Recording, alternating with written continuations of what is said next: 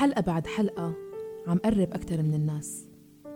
عم يطمنوا أكتر للحكي معي. بيبعتولي. عاوزينك بموضوع يمكن تشوفيه مناسب لبرنامج هم وراح. بيحكوا وأنا بسمع. مرات الشي اللي بيحكوه ما بيكون سر بالمعنى الحرفي للكلمة لكن بيكون شي تعبهم وحابين يخففوا شوي من تعبهم وبيفكروا إنه يمكن إذا منحكي منرتاح خصوصا إنه يلي عم يسمعهم شخص غريب عنهم. ما رح يمسك عصا ويحاسبهم فيها ما رح يحكم عليهم رح يسمعهم وبس. حتى الناس اللي رح تسمعهم من خلال البرنامج ما رح تعرفهم حتى لو حكموا عليهم. يمكن هي فرصة مو دائما منعيشها يحاكمونا ناس بدون ما يعرفونا بشكل مباشر. ويمكن منحتاج هالفرصة مرات بحياتنا لنراجع حساباتنا لنعيد ترتيب أولوياتنا.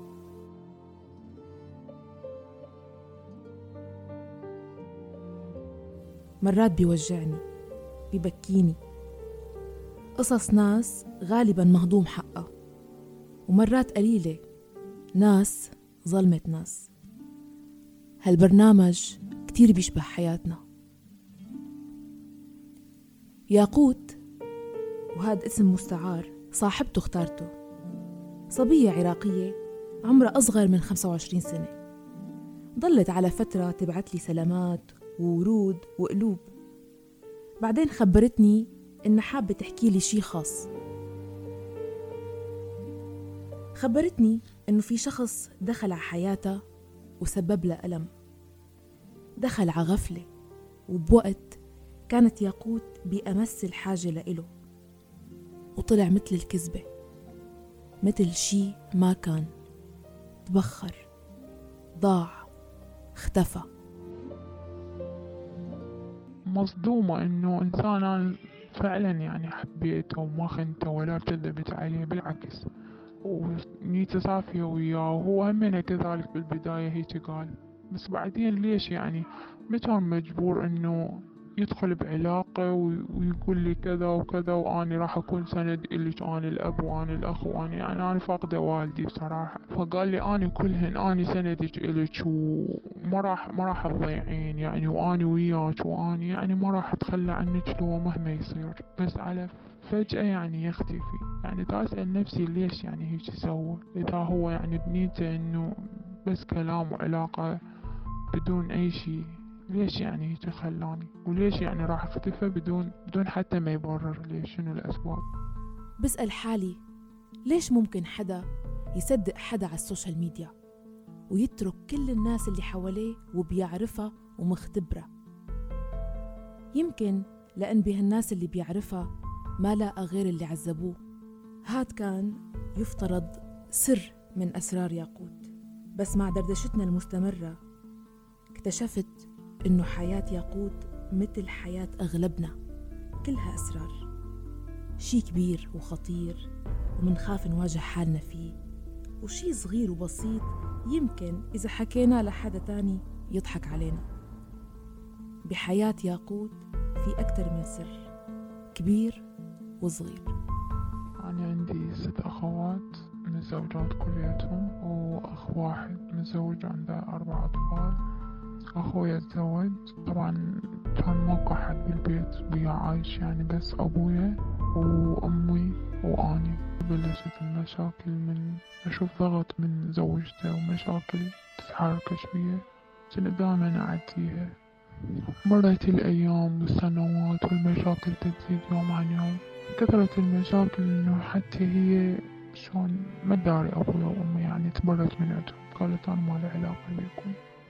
فأخويا يعني صار الأكل مالتهم واحد يعني ما ينتبه على أبويا شبيه أمي شبيها صحيح عايش ويانا بالبيت بس بعيد تماما يعني من هيج مواضيع. ما يعرف باليج ولا يروح.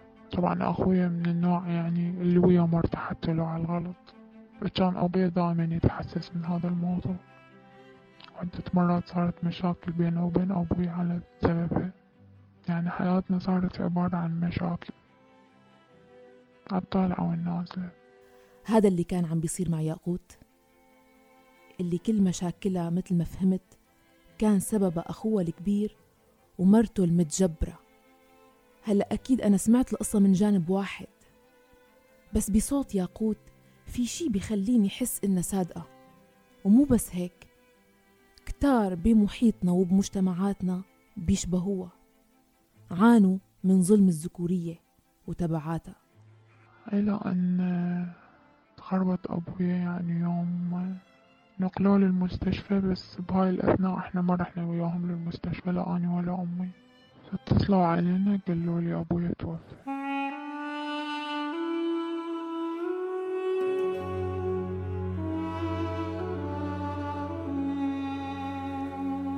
طيب الأب كان عايش ليش ما عمل شيء؟ ليش يشوف بيته عم ينهد قدامه ويسكت؟ ليش يشوف بنته ضلع القاصر يأسانة من الدنيا وخدامة لمرت الأخ ويسكت؟ يمكن بهالكلام يلي رح نسمعه هلا.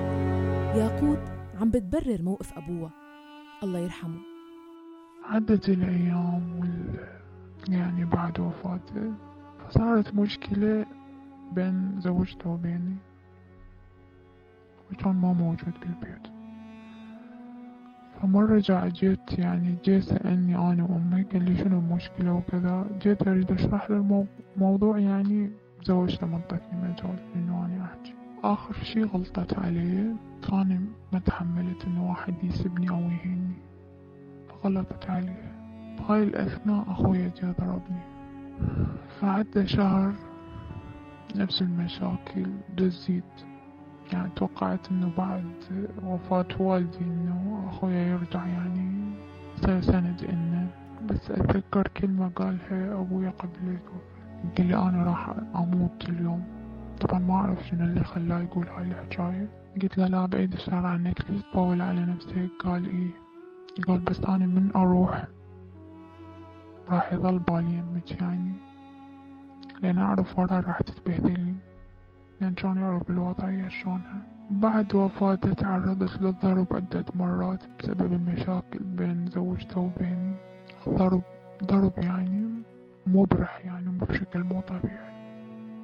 كنت أتحمل ما عندي مكان أروح له أو أستنجد بحد طبعا كيف بيخلصوا معظم الأخوة من المعارك العائلية اللي بتصير بين زوجاتهم وأخواتهم البنات؟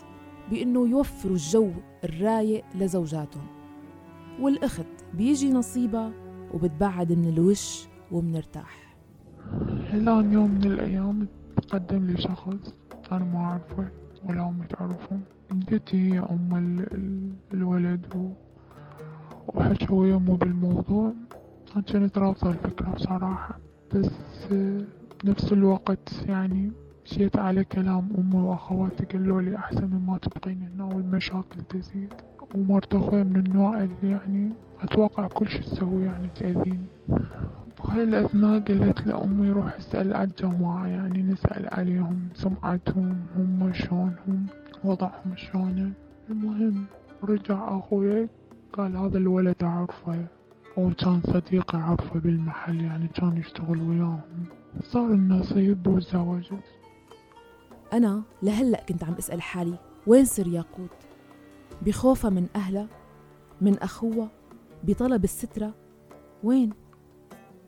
إذا تزوجت بترتاح يلا الحمد لله إجاها عريس. صار عندها بيت خاص وغرفة خاصة وطلعت كل أحلامي أنا وعم أسمع ياقوت بالفضا. ياقوت تزوجت وسكنت مع بيت الأحمى وهون بلش عذاب جديد وقهر جديد. من تزوجت أول أسبوع إلي زواجنا كنت أحس يعني بيتهم إنه يراقبون بي أو نوع من الشك عندهم كلش قوي. يعني بحيث الباب ما ينسد التليفون إذا أحد يخابر عليه اللي لازم مكالمة هم يعرفوها ويسمعوها الشكل لا يطاق. يعني شفت الأم هي المسيطرة على الوضع كله. فأول أسبوع إلي يومهم صارت مشكلة. أن أمه تهجمت علي ورادت تضربني وأخواتي طبعا هو لا أبالي ولا يحكي. تحملت قلت يمكن يعني هم فاهمين الموضوع غلط أو أنا يعني. المهم سكتت. كنت يعني دا أشوف النهاية لوين حتوصل ويوم عن يوم المشاكل تزيد يعني يدوروا لهم فد عذر عذر بسيط هيجي حتى تصير مشكلة. إلى أن استمريت شهر يومهم. بهاي الأثناء جو خواتي علينا. طبعا أنا ما واصلة أهلي هذا الشهر كله ولا أهلي جايين علي. فجو أخواتي قالوا لي تروحين ويانا للبيت. قلت لهم طبعا إلا يعني أخذ الإذن من عنده يلا يجوز يقبل أو لا. مهم ما قبل. صارت المشكلة إنه يقول لي ذن خواتك وكذا وكذا وصلت يعني للمسبة. يعني سب والدي هو متوفي وسب أخواتي سبني أني. آخر شي ورا المسبة يعني هو من النوع اللي يشك من أول ما يعني تزوجت يعني أول أسبوع إنه أنا أحس بيهم يعني يشكون وخاصة هو.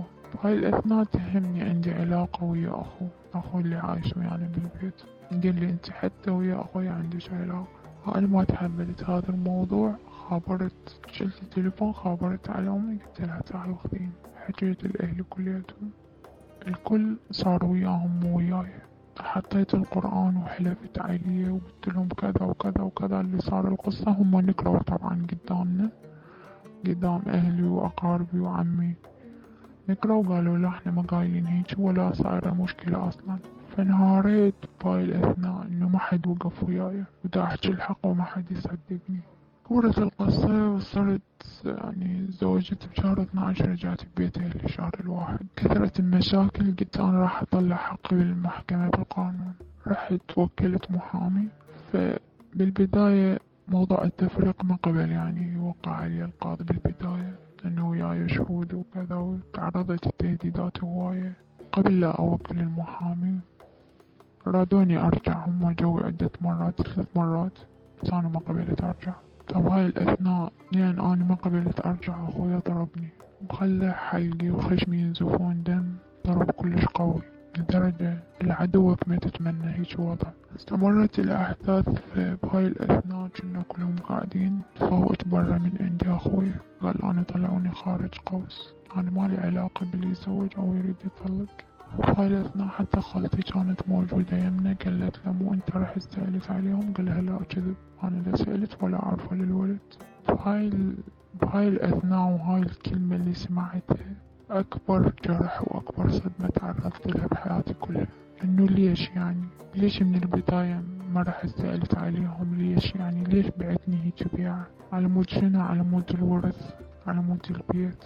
حتى يبقى البيت بس إله. بعد وفاة والدي وأختي رجعت يمنا طبعا زوجها متوفي. وما عندها مكان تروح بيه تعيش عاشت يمنا عندها أربع أطفال.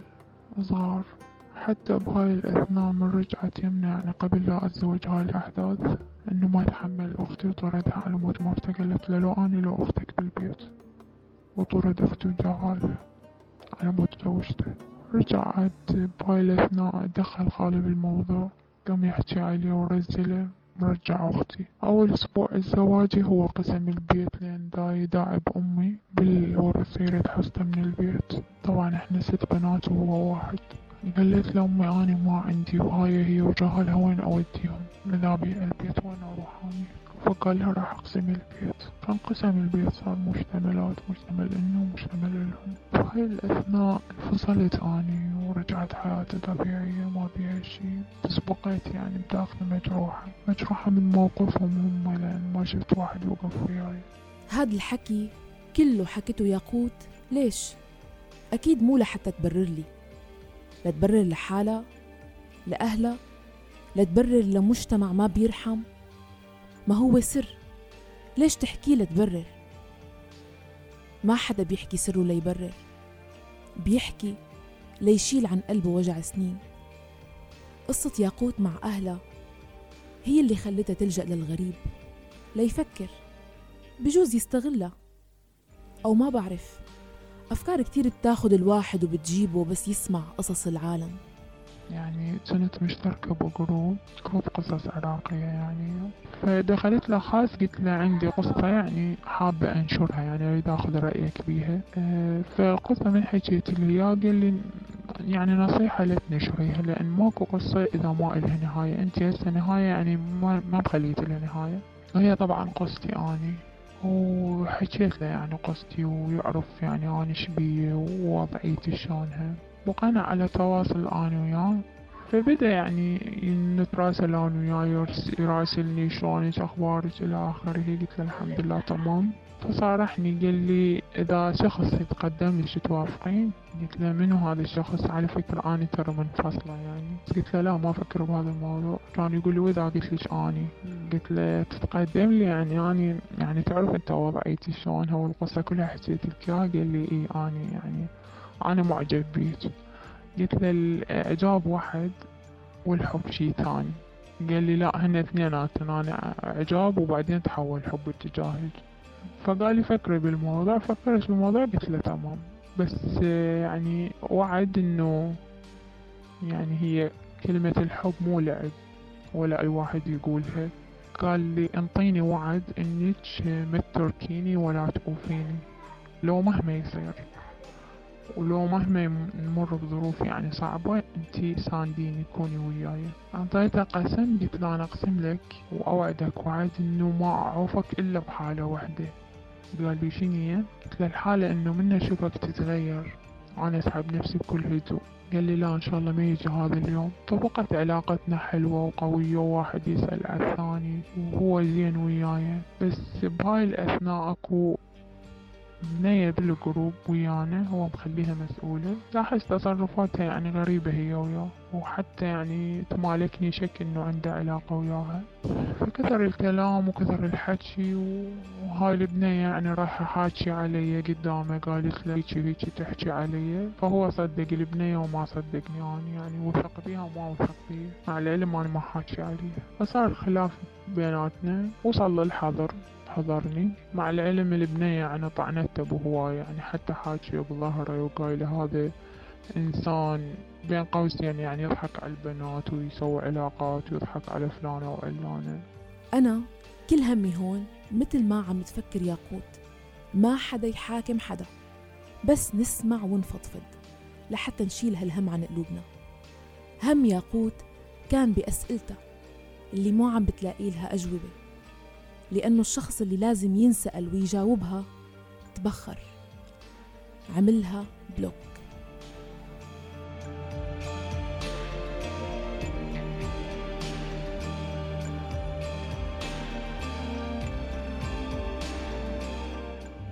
بودكاست هم وراح مع مها على راديو الآن.